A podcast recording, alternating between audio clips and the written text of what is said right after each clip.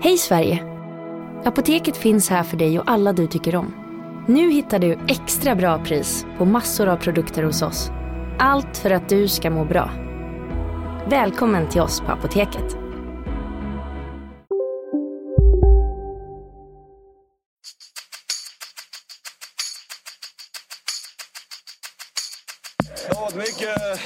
Snack om det här inhoppet. Det är svårt att förbereda sig. Va? Så att, det är mycket känslor som väller över.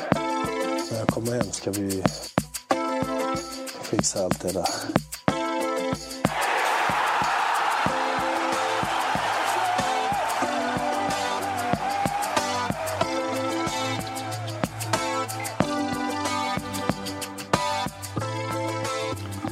Välkomna tillbaka till MFF-podden. Det här är avsnitt nummer 198. Jag heter Fredrik Hedenskog. Jag har sällskap av Fredrik Lindstrand och Max Wiman.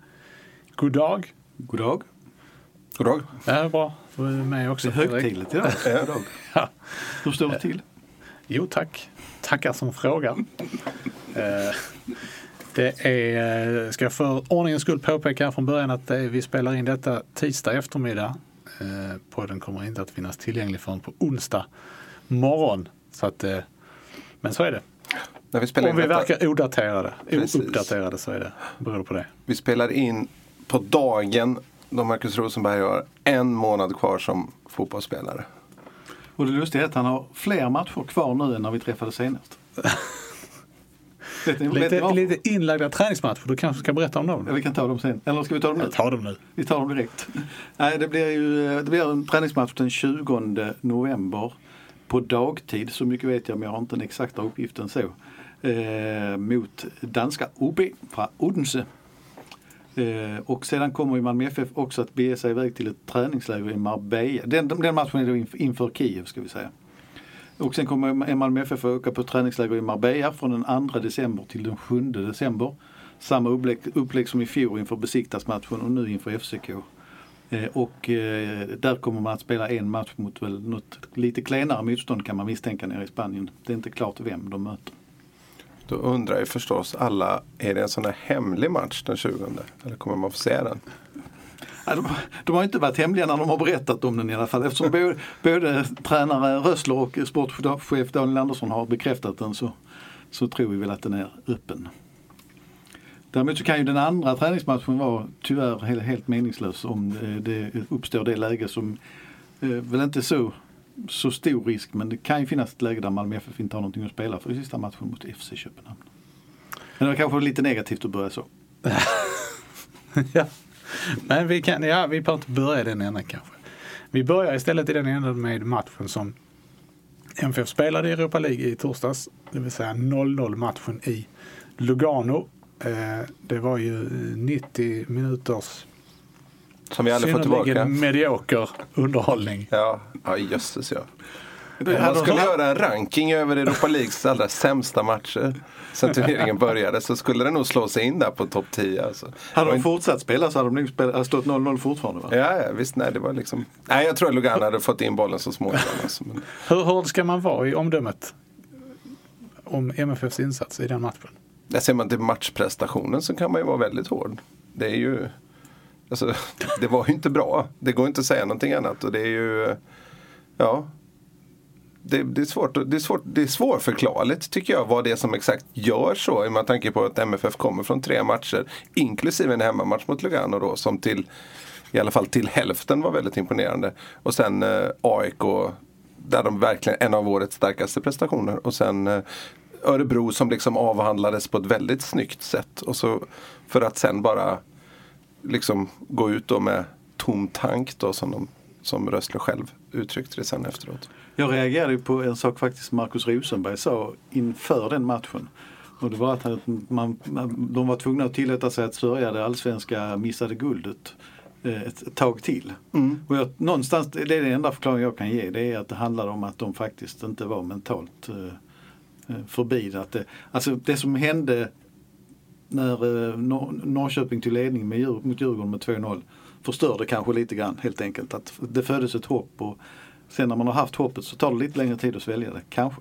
Sen tycker jag återigen, eh, för att gå rakt på sak, att eh, Ove Rössler genom det lag lagval han gjorde tappade energi från början och att det återigen var en för defensiv uppställning i en match som de kunde gå för att vinna. Det håller jag fullständigt med om. Och, eh, det, var, det var liksom, det signalerade lite konstigt för att de hade pratat så mycket innan om att vi har, har ett läge. Det var ju liksom tonen inför matchen att vi har ett jätte, jättebra läge nu och vi ska gå för vinst och, och Rössle sa på presskonferensen vi behöver sex poäng och vi ska ta tre av dem imorgon. Eller vill ta tre av dem imorgon kanske han sa.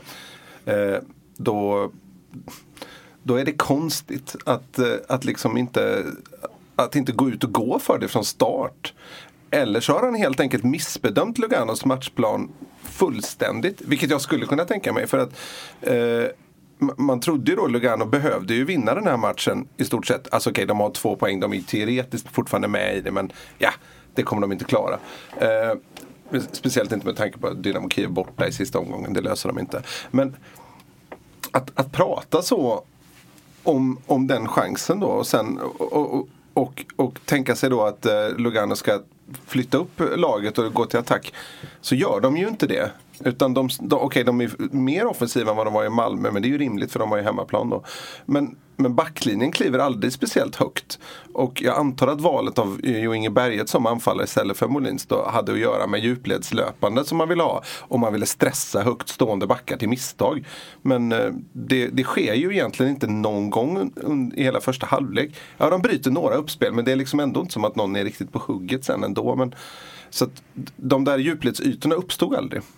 Nej, för mig, alltså redan före avspark så, så satt jag där och muttrade. Jag satt ju hemma vid tv-soffan och tittade.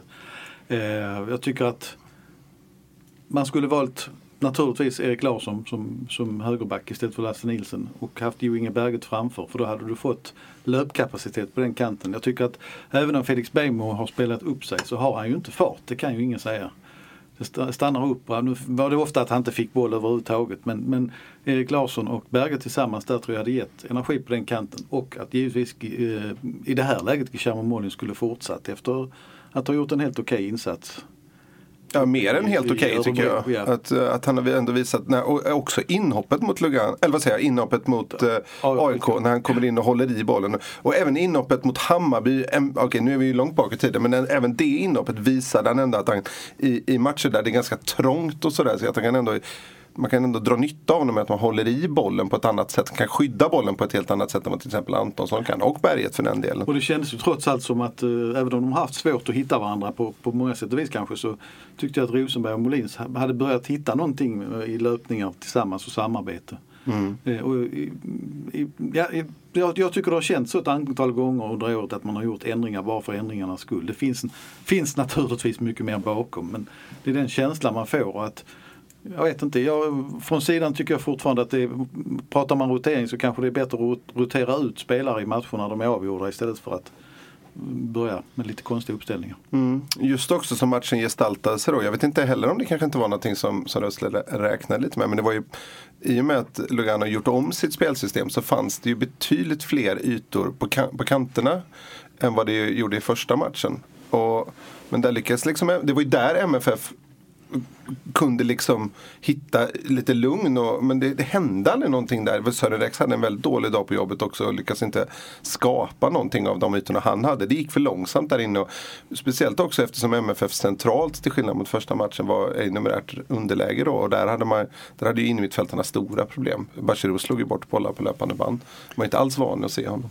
Ja, det var ju många som, alltså det är därför man funderar på om, om det hade spelat någon roll vilket, vilket lag Rössler hade mönstrat i den här matchen. För att det kändes som att koncentrationsnivån var så oerhört låg. Det var ju otroligt mycket misstag. Mm. Och därför tror jag att bakomliggande skäl ligger ändå i det här med att allsvenskan att det var ett eh, energitapp där mm. som, som sved. Sen tror jag i bakgrunden någonstans också finns, även om nu Lugano definitivt inte är något bra lag, att det visar egentligen en del av MFFs resa att vi plötsligt sitter och kräver att Malmö ska vinna på bortaplan i Europaspel. Jag tror att för ett par år sedan så hade de flesta varit överlyckliga om Malmö hade tagit en poäng borta. För de, det gjorde man ju nästan aldrig man ska ärlig. Även om det var tuffare motstånd många gånger. Sarpsborg borta eh, förra året var ju den första bortapoängen i Europa i ett gruppspel. Eh, någonsin för klubben. Det har ju väldigt många av åren i Europa inte innehållit några gruppspel ska ju sägas. Men, men det är på 2000-talet ändå så det, det är ju inte ingenting Eh, det var ju, tänkte, inför matchen så pratade ju Rössler om, om att det var bra ändå att de fick en match så nära in på den allsvenska avslutningen så att man kunde ta lite, lite revansch. Eh, och efter matchen så pratade han då om det som du nämnde Max, att det var tomt i tanken och, och mental trötthet. Hur, hur går de här? För mig är det lite svårt att få ihop de två. Men jag tror att han tänkte fel denna gången. Alltså att när han uttalade sig, han kunde inte påverka hur matcherna låg i programmet. Men, men en avslutande guldstrid i Allsvenskan tar rätt mycket på psyket eftersom det är en hel säsong som tar slut där. Mm. Och, och det är ju konstigt av en tredje anledning också i och med att han hela hösten egentligen har beklagat sig över spelschemat också. Mm, Så- Ja, jag, som sagt, jag tror att det här att, eh, för det kände ju vi som var på plats uppe i Örebro också, att det, bland supportrar, bland alla, att de här förhoppningarna som tändes när Norrköping leddes över Djurgården, det, det förändrade ju en bild där utgångsläget var att ingen riktigt trodde på att Malmö skulle ha en guldchans. Det är inte om det hade förändrat något om de hade mött FCK istället för Lugano nu efter Allsvenskan. Om det, liksom, det hade gjort att man själv antänt så att säga. Ja, alltså ska man, ska man, eh, ska man ranka de här sex gruppspelsmatcherna så kan man ju förstå att detta var den som var svårast att tända till på.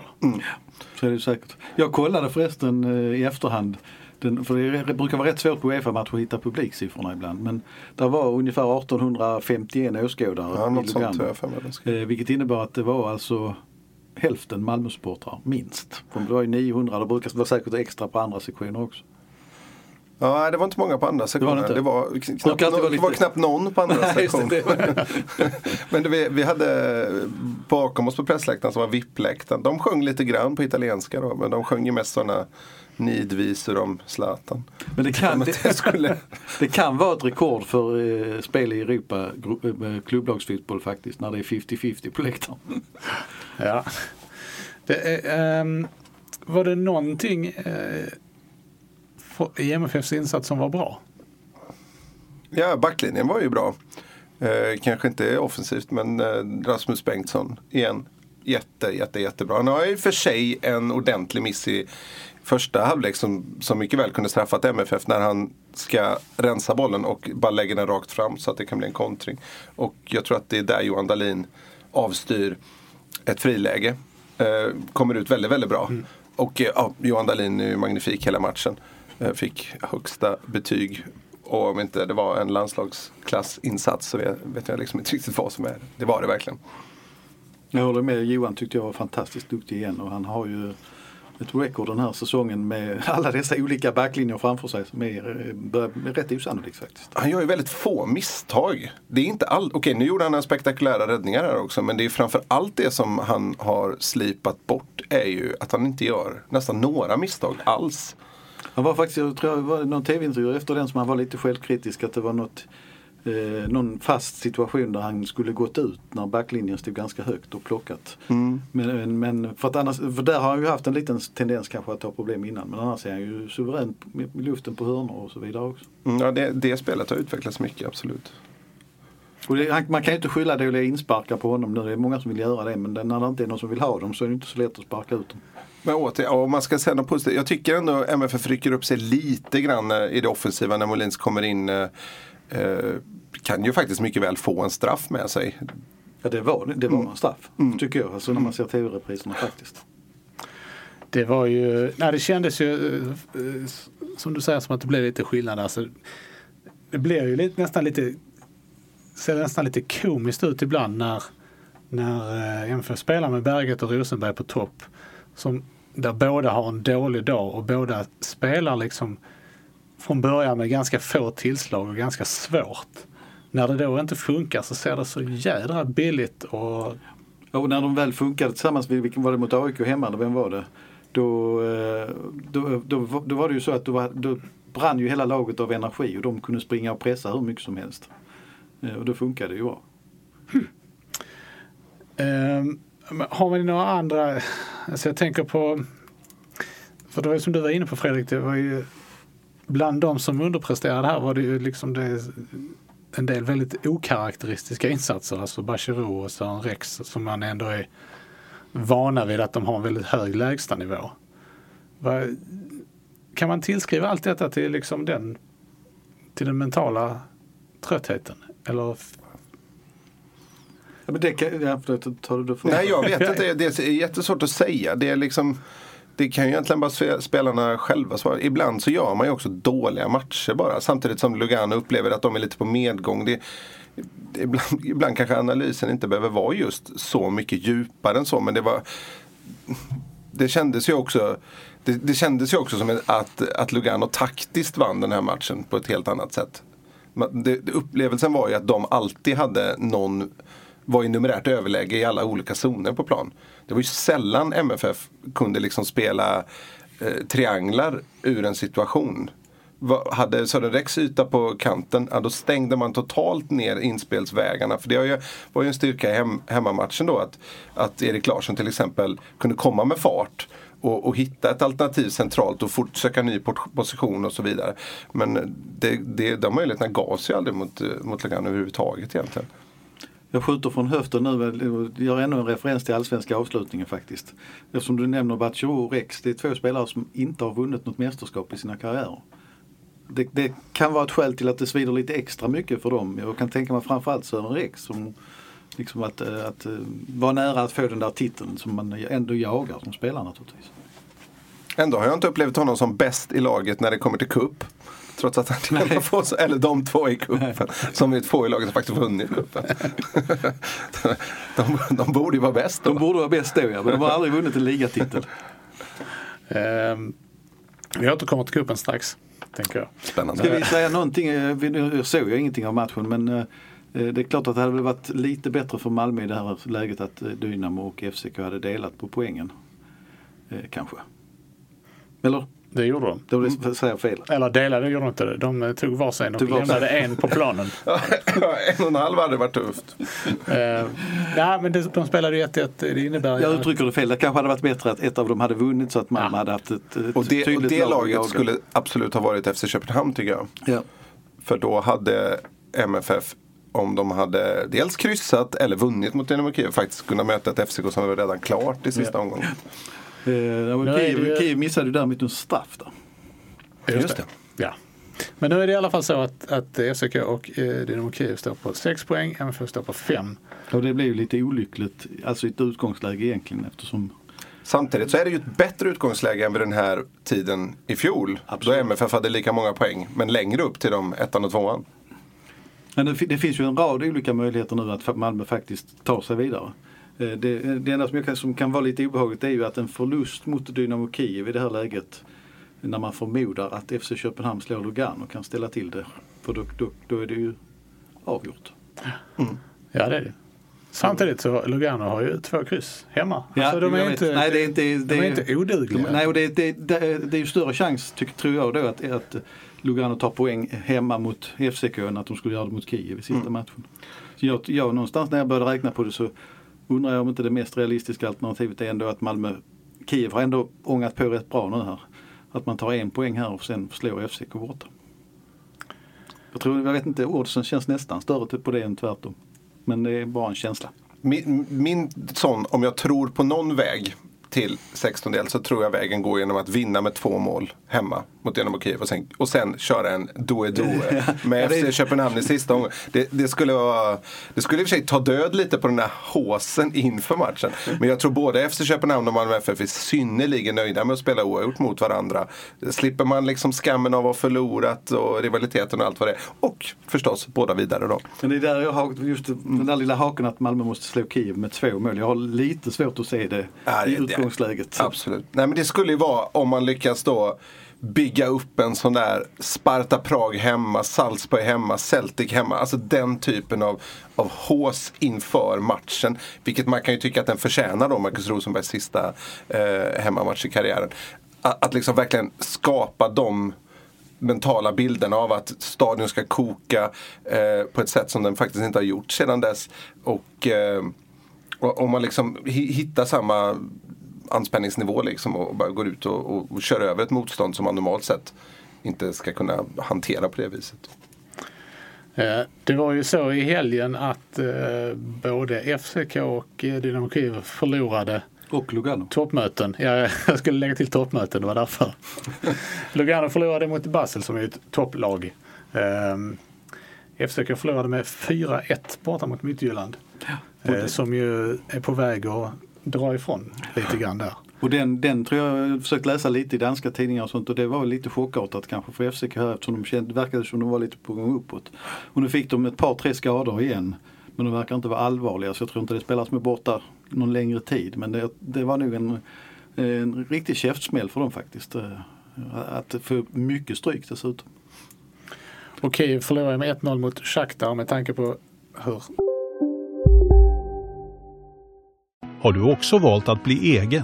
Då är det viktigt att skaffa en bra företagsförsäkring. Hos oss är alla småföretag stora och inga frågor för små. Swedeas företagsförsäkring är anpassad för mindre företag och täcker även sånt som din hemförsäkring inte täcker. Gå in på swedea.se företag och jämför själv.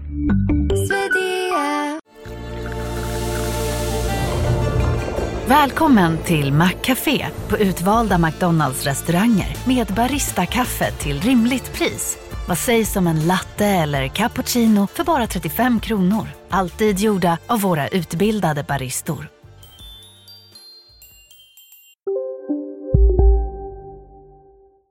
avståndet eh, var och är i tabellen så var det kanske inte så himla överraskande. Mm. En tydlig markering om vilka som är herrar i den ukrainska fotbollen nu för tiden.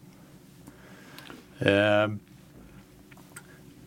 vad det är ju då, eller från, från Lugano-matchen till Kiev-matchen så har ju MFF tre veckor. Även om man då eh, har spelat en cupmatch eh, och ska spela en träningsmatch också. Vad, hur, kommer de, hur kommer MFF att använda de här tre veckorna?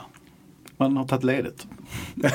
Fast inte alla Ända fram till match. Nej, man är lediga fram till söndag och jag tror det är ganska smart. Det är ju faktiskt så att eh, det är ett antal spelare som är iväg med landslagen då här. Och övriga kan nog må bra av att ladda om lite grann. Sen är det ju viktigt att komma upp i fart och därför är det bra att man har lagt in en match mot ett vettigt motstånd. Eh, För eh, Malmö har ju haft svårt när man har haft uppehåll också att komma igång. Det är vid ett antal tillfällen. Utom mot Besiktas. Utom mot... Ja. Enda undantaget. Fast då hade de eh, läger och match där. Ja, ja. ja, men inga tävlingsmatcher. Nej, nej. Ehm, vill ni prata om eh, Svenska cupen nu? Det var också en... Kan vi hoppa över första, tillställning. kan vi hoppa över första halvlek åtminstone? Eh, det kan vi göra. MFF vann den andra halvleken eh, mot IFK Värnamo med 2-0. eh, efter en om möjligt ännu mer medioker första halvlek. Vi kan ju, nu var ju inte det en hel match men Fredrik du skrev ju återkopplat till Lugano-matchen att det var en av säsongens sämsta insatser av MFF. Eh, vilka, vilka, vilka matcher konkurrerar i den kategorin? Min etta måste ju vara, med tanke på att den faktiskt vad den betydde så måste det ju vara Öster borta. Eh, Den är i kuppen då, alltså Ja. där MFF ryker ur kuppen. Det måste väl vara där uppe någonstans. Sen är det några Följt av de andra cupmatcherna. Ja, jag skulle säga att de hade Degerfors hemma. Det var väl Degerfors kunde väl lätt med 3-0 i paus tror jag. i den Ja, matchen. i- sant. Ja, ja, men just med tanke på att den, de ändå hade det avgörande i egna händer och sådär. Sen är det ju några sommarmatcher där som man inte liksom direkt imponeras av. Sirius är det väl som de får oerhört. Östersund. Ja. Men där, Östersund var inte, ja, så precis. Östersund var inte insatsen så dålig. Det var ju mer avslutet som var svaga. Sundsvall borta då kanske? Sundsvall borta. Sundsvall borta skulle jag säga. Det var väl också, alltså, det- där tyckte jag man försökte skyla över en massa saker med att det går, men det går ju faktiskt ut på att göra mål och vinna. Sätta straffar. va? Ja, typ så. Sånt. Så det var ju ett gäng. Men Värnamos, första halvlek mot Värnamo den, eh, den var rätt nära Landskrona Boys klass i cupen faktiskt. Och det säger väl det mesta. Eh, De lyckades ju ändå rida ut den stormen och spela 0-0 i första halvlek. Och sen kändes det lite grann som att de gjorde va? Ja, de, de det som upp. krävdes i alla fall. Jag, jag tyckte de skruvade upp allting 20% i andra halvlek. Att, eh, alltså intensitet och koncentration och alltihopa. Och det, det räckte liksom bara för att göra. Sen när de hade gjort 2-0 så, så var det ju bara att låta tiden gå på något sätt. Men jag blev fundersam just när Rössler hade sagt det till er nere i Lugano att, att, att bensinen var slut. Så jag tänkte, vad ska, vad ska de köra på, på mot Värnamo då? Men, och det var ju så i första halvlek. Det, det var ju helt geistlöst. Eh, och det fanns väl kanske någon uttagning i det laget också som jag tyckte var lite, nu ska, jag- det är så lätt man blandar ihop lagen här men ett, ett inom mitt fält med eh, Bachirou, eh, Bonke Innocent och Erdal Rakip känns ju rätt defensivt mot ett division 1-lag om jag ska vara ärlig. Ja, det är ju det är ju märkligt att Roman Gall inte får, får chansen ens i den matchen. Från start då. Det, är- Ja. Och det, det är en oerhört märklig behandling. Han, han, ja.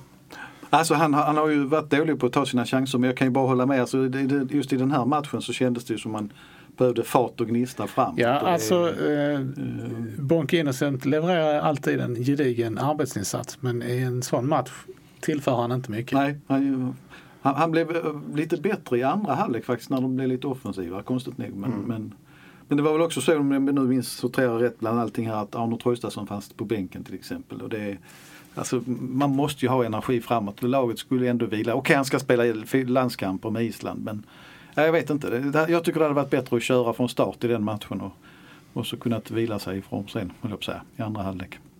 Det kunde ju faktiskt varit så att de hade legat under i paus. Även om inte Värnamo hade jätte, jättechanser så hade de ju ändå chanser. Eh, och eh, på detta följde ju kupplottningen. Eh, och ja, Dra den, lagen. den, såg, ju- den såg ju lätt ut förra året också. Ja, men det, det, då, då, de har ju fått lite högre rankade lag innan eh, i grupp, gruppspelen. Denna gången var det ju nästan bingo tycker jag. Och Syrianska också. Beror lite på ingen match man vill tippa på kanske. Eller är det man vill kanske. Nej, det, ska du dra dem Fredrik? Nej, jag- Syrianska Karlskrona och AFC. AFC. AFC. Och vi ska se om jag kommer ihåg rätt, jag försökte ju reda ut det här. eh, de har ju en mall de följer så, så bör det bli så här att Malmö börjar hemma mot Syrianska. Spelar borta mot Karlskrona och avslutar hemma mot Eskilstuna. Och det borde också vara en ganska behaglig lottning. Det är ju, Karlskrona det är ju ingen lång resa eller någonting som krånglar till det. Och, eh, Karlskrona är ju i och för sig det enda laget som har en positiv känsla in för de vann ju sin serie. Ehm, Eskilstuna har vi räknat ut för men det känns ju som att det är ett fallande korthus. Och Syrianska som ramlar ur också känns ju... Jag vet inte. Det var så mycket, my- mycket lättare lottning kunde de knappt fått. Nej. Nej. Eh, I cupmatchen så utgick ju eh, Marcus Antonsson med skada. Det innebär ju att eh, skadelistan eh, ökades på lite. Där finns, fanns ju sedan tidigare eh, Johan Dahl- Dahlin som inte spelade i, kuppen. Eh, där fanns Oskar Lewicki och Anders Christiansen och Frans Brorsson. Men han har ju å andra sidan varit där oerhört länge. Ja, han är ju inte inte- spel just nu. Han är ju inte att räkna med oavsett. Men eh, Max, du har undersökt eh, läget. Japp. Ska bara, men bara ska, så jag inte tappar bort det. Vi måste faktiskt, med tanke på läget så ska vi kanske också nämna att damernas kupplottning blev intressant av en synpunkt. Därför att Rosengård lottades med det lag som idag heter LB07 men kan, heta Malmö FF nästa år. Vi vet ju inte hur årsmötena går. Det, hade ju onekligen varit ett prestigemöte om de skulle mötas direkt. Det kan man inte komma ifrån. Eh, Johan Dahlin har jag ingen uppdatering på eh, och det är nog mitt eget fel för jag tror jag glömde fråga honom, honom men det var nog mer en säkerhetsvila på honom. Eh, med hälsningar från Jesper Robertsson då, fysioterapeuten, så fick Antonsson en känning i baksida lår. Och man kan bekräfta att det inte rör sig om någon muskelskada utan en sammandragning i muskulaturen, det är väl det vi kallar kramp. Eh, Att eh, Lewicki också fick en känning baksida lår och där är det också bara en retning av strukturen. Det låter lite, lite svårare där kanske. Kör rehab under veckan för att normalisera funktionen. Och AC, eh, väl ett ungefär väntat besked, lite politiskt. AC går framåt, stegrar rehab successivt och har påbörjat joggningsbelastning. Men det är ändå tecken på att han eh, är på gång. Så att jag undrar om inte de har någon sorts liten dröm om att ha honom klar till Kiev. Det är ju ändå rätt så länge dit. Ja, jag tänker också att det kanske är bra för hans egen så att han inte kommer eh, totalt överladdad till FCK-matchen sen. Nej, Jag skulle säga det, ett, eh, 20 minuters inhopp hade nog varit lagom på Christiansen så att han kommer igång lite där. Det, det är klart, jag har inte tänkt så mycket på det innan trots att vi pratade om det i somras. eh, eh, Anders och jag, men, men det, det, han är uppväxt ett stenkast från parken. Det är klart att den matchen kommer att vara något alldeles speciellt för honom. Eh, fler? Har ni mer tillägg om eh, Europaspelet eller Svenska cupen? Nej, jag, Det är alltid kul på Europaresor. Det är fascinerande om man tänker på det varje gång man är ute. Att, uh, hur häftigt det är. Hur, liksom, hur Malmöborna har tagit till sig det här med att resa runt i Europa. Jag vet att det är ingen ny spaning liksom, men det är alltid käckt att se. Och bredden på de som åker. Alltså inte att de är överviktiga utan att det är väldigt olika konstellationer. Det är kompisgäng, det är föräldrar och barn och det är alla möjliga typer av, av konstellationer helt enkelt. Alltså, det, det är kul även att se på sociala medier att hur, vilka vägar de tar sig ner. Alltså, det, det är väldigt olika. De Ja, vissa åker tåg och vissa flyger flyger. och bilar och det är, någon eh, gör lite avstickare. Någon som jag säger, de hade börjat i Italien för att jobba sig uppåt för att få ut något extra. Det, Mm. Ja, men det, det är jäkligt häftigt och det är alltid trevligt när folk kommer fram och vill ja, lyssna på någonting i podden som de vill prata om. Det, det är välkommet. En sak som inte med Malmö FF att under pågående podd här så har det kommit en sån här flash som jag blir så trött på. Marcus Berg har meddelat att han inte slutar i landslaget efter EM nästa sommar. Jag tycker det är så fascinerande med spelare som förutsätter att de kommer att bli uttagna även i fortsättningen. Jag tycker inte att Marcus Berg har någon större anledning att i den, det läget han är i eh, börja diskutera det redan nu. Han gjorde mål mot Spanien. Ja. Men, nej, men jag tänker så här också om, om, om svensk fotboll ska se framåt så kanske inte Marcus Berg är en spelare man ska satsa på sen. Ibland tycker Nej, jag, tycker ändå det är bättre att förekomma än förekommas. nej, jag tycker det är bättre att uh, fasa ut sig i lugn och ro kanske. Ja. Det hade hör inte hit. Men, Nej, men ändå. och det var inget ont om Marcus Berg, det är mer företeelsen som sådan. Eh, en annan företeelse som man kan ha olika synpunkter på är fotbollsgalan Oh ja, den skulle Som jag också. Det, det, avverkades. det redan glömt. på måndagskvällen. Eh, jag... Eh, ja, hur var det? Jag såg inte en enda minut. Eh, jag jobbade ju som vanligt på dagtid igår och hamnade, i- eftersom jag inte jobbar på, jag vet kanske inte alla som lyssnar, jag jobbar inte på sportredaktionen utan jag jobbar på, det, på Sydsvenskans och Helsingborgs Dagblad för den delen, på webbredaktionen. Och igår var det bara en sån, man blir ganska luttrad i detta jobbet, men igår var det bara en sån fortsättning från helgen, bara en flod av elände och skit och jävelskap. Så jag var så trött på liksom, jag orkar inte, jag orkar inte liksom ta till mig någon media överhuvudtaget. Jag satte mig och läste en bok och sen satt jag där hela kvällen. Och struntade i fotbollsskalan. Så därför tänkte jag lämna ordet till er. Var Glenn Hyséns memoarer eller vad var det-? Nej, det var inte. Det var total verklighetsflykt. Ja. Jag måste, om vi ska vara allvarliga så jag måste säga att jag förstår dig Fredrik. Jag kan ge en liten bild från fotbollsskalan. Det var att innan själva tv-sändningen drog igång så, så var vi framme vid scenen och stod och pratade. Jag och Ulf Jarvik, vår chef och vår chefredaktör Pia Enqvist. Och så plingade det till i telefonen och så var det ännu en skjutning i Malmö. Och man såg ju på Pia att det var blandade känslor som ansvarig att hon fanns där.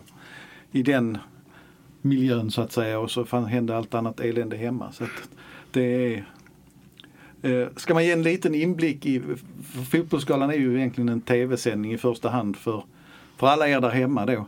Eh, Vi som har, då har förmånen att vara på plats så blev den lite rörig den här gången det är inget personligt klagomål på något sätt. Men av någon anledning så hade man inte bokat Globen som tidigare. Jag förmodar att Globen är dyr men det är också så att det var NHL-hockey där i helgen. Det var Expressen skrev att det berodde på att en miss. Ja, De hade helt men det enkelt var- det. Men jag vet, jag vet inte om det Ja, ja, ja, det kan ha varit, funnits ekonomi i det här också för att eh, sanningen har ju varit den att det kanske var 1500-2000 på läktarna eh, i Globen. Och det kostar mer att hyra Globen än Johanneshov. Men det som hände då var att man hade middagssittningen, ni vet det brukar vara fint med bord och sånt som man ser även i tv-sändningen. Den hade man i det som kallas Annexet. Eh, och sen eftermiddagen som då, has, jag ska inte säga att den hastades igenom men det skyddades på lite grann. Så skulle alla förflytta sig in i, i stadion, den gamla Johanneshov. Och sitta på stolar i eh, en, som en teatersalong nästan.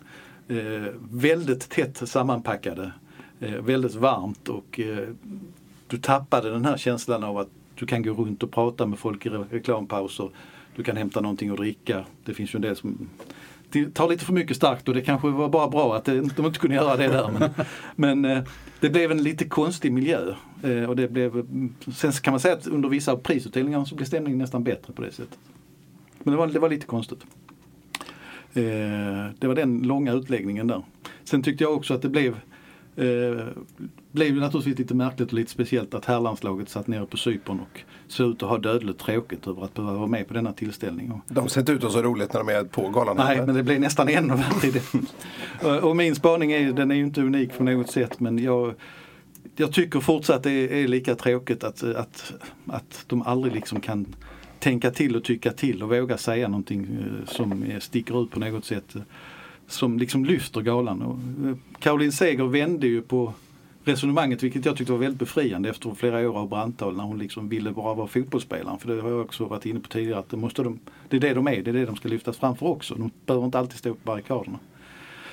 Eh, oj vad jag pratar nu. Men, eh, så, så, Du vill att de ska mötas på mitten någonstans? nej, nej men sen så plockas då eh, Victor Nilsson Lindelöf in eh, som Guldbollen-vinnare och eh, får kanske inte, s- får lite taskiga frågor, alltså de, han får ingen hjälp där men att när han börjar stå och tacka sina pojklagstränare då känner jag att då är vi på den nivån igen. Och tänk om han bara hade kunnat sagt att eh, fan vad roligt att, eh, förlåt svordomen, att eh, vi tog VM-brons med tjejerna i somras och nu ska vi se till att upprepa det nästa sommar i EM. Alltså bara lyfta det till någonting som innehåller någonting. Mm. Nej, nej men precis. Det är ju, det är ju liksom Det är ju problemet för herrfotbollen att okej okay, nu har de ju släppt sin de har ju släppt sin nya matchtröja nu då ihop med någon slags eh, video där, där man eh, pratar om att den här landslagströjan får man bara ta på sig om man har Ställer upp för alla likas värde och bla bla bla bla bla. Det är liksom, ja, ni, ni, rada upp de här vanliga sakerna man brukar säga som passar väldigt bra. Det hade ju varit snyggt om någon också kunde säga det eh, när landslaget bestämmer sig för att åka till på vinterläget i Qatar. Eller när den här frågan dyker upp om, eh, om, om inte tjejerna faktiskt borde tjäna lika mycket när de spelar i landslaget. Då är man inte riktigt, lika noga med att stå upp för sådana saker. Det, det är liksom, men om, någon ger ett papper till en där man ska läsa upp lite saker då, då funkar det bättre. Liksom. Och det är ju det är en del av showen ändå vad, vad människor säger. Och det, det, det har ju blivit så här nu att alla sitter och väntar på vad Diamantbollen-vinnaren ska säga. Det tycker vi naturligtvis är jätteroligt som är med och delar ut den. Men jag kan inte tro att, att all herrfotboll, alla herrfotbollsspelare är lika tråkiga. Nej. Det, Alltså tidigare så hade man i alla fall eh, Lars-Åke Lagrell som lyfte själva Guldbollen-presentationen. Så det var, inte talet, det var inte talet lika viktigt. Nu finns inte han med längre. Så att, eh, Sen eh, eh, däremot det man måste lyfta och jag antar att det gick hem även i tv-rutorna men hyllningen till Lennart Johansson på plats i eh, Johanneshov var helt magiskt. Det var knäpptyst där inne. Sen så kan man ju titta på det apropå med sådana här tal, vad man ska göra av dem. Det finns ju, jag läste någon sån retorikbok någon gång. Att, eh, för övrigt skriven av Göran Hägg, han som gick bort. Han var väl retorikprofessor eller något sånt där tror jag. Men att när man vinner någonting så förväntar sig folk att man ska vara tacksam för att man har vunnit någonting. Därför, därför kan det liksom landar rätt, eh, generellt landar det inte så väl om man går upp på en scen och är otacksam när man har vunnit någonting. Även om det är för en bra sak. Just därför är det inte säkert att det är liksom om man ser nå in i stugorna mässigt. Är det inte säkert att om man går upp och säger att eh, männen är skit. Det är inte säkert att det gynnar själva saken och sådär. Så på det viset så tycker jag också att det kanske, för, för liksom the greater good någonstans är det ju bra att man får säga att Ja men att Caroline Seger också får säga att hon är tacksam för sina ungdomstränare. Liksom. Eller vad det kan vara hon, hon vill säga för någonting. Och så kan man föra den kampen någon annanstans. På ett annat sätt. Inte för att man får ju såklart säga vad man vill. Men eh, bara ur ett rent vad ska man säga, objektivt eh, synsätt så är det inte, inte säkert att det, man vinner så mycket på att vara liksom, missförstå mig rätt när jag säger ordet otacksam för det är man ju inte. Men man, att man liksom tar strid i ens, när man förväntas vara på ett annat sätt. Liksom. Men skillnaden är ändå just det här att Caroline Seger väldigt tydligt hade förberett sig. Och alltså utan manus höll, fick sagt precis det hon ville säga. Det som hon ändå hade tänkt igenom på ett, på ett smart sätt. Och, eh, det, det lyfte liksom stämningen. Man, man kände det i atmosfären i arenan. Skillnaden är ju eh, där att alltså fotboll, de manliga fotbollsspelarna på den nivån, de, de har ju många års träning på att prata Ja. utan att säga någonting. Ja.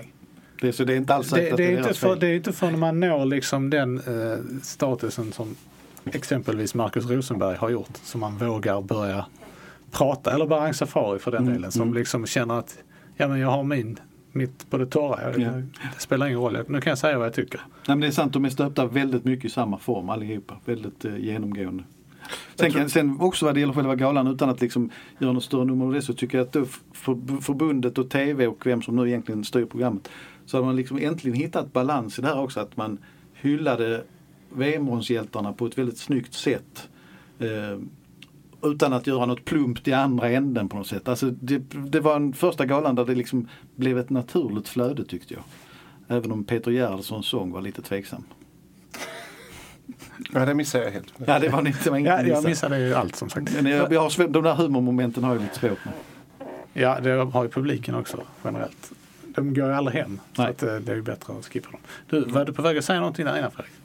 Eller Nej, det var, jag, det var jag nog inte. Nej. Kanske. Kanske. Nej, jag vet inte. Nej. Eh, jag tror att vi eh, försöker hålla oss lite eh, korta och koncisa idag och rundar av här. Mm. Det känns... Eh, Koncisa är inte säkra vi var. Nej, Korta var vi. korta var vi. Eh, men vi kommer att återkomma eh, inför eh, Kiev-matchen någon gång. Mm. Jag vågar inte utlova en dag, men eh, någon gång innan den spelas. Ja, precis. Så säger vi så så länge. Det här har varit avsnitt nummer 198 av MFF-podden där vi anser att konstgräs ska förbjudas i svensk elitfotboll. Jag heter Fredrik Hedenskog, jag har ett sällskap av Fredrik Lindstrand och Max Wiman och ansvarig utgivare är Pia Renqvist. Tack för oss, hej hej! Hej hej!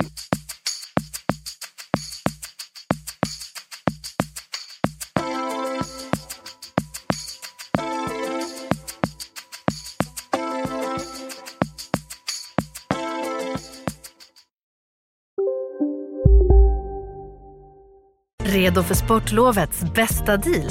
Ta med familjen och njut av en Big Mac, McFeast eller Cooper Cheese och Company plus en valfri Happy Meal för bara 100 kronor. Happy Sportlovs deal, bara på McDonalds. Ni är med om det största. Och det största är den minsta. Ni minns de första ögonblicken. Och den där blicken gör er starkare. Så starka att ni är ömtåliga. Men hittar trygghet i Sveriges populäraste barnförsäkring. Trygg Hansa. Trygghet för livet.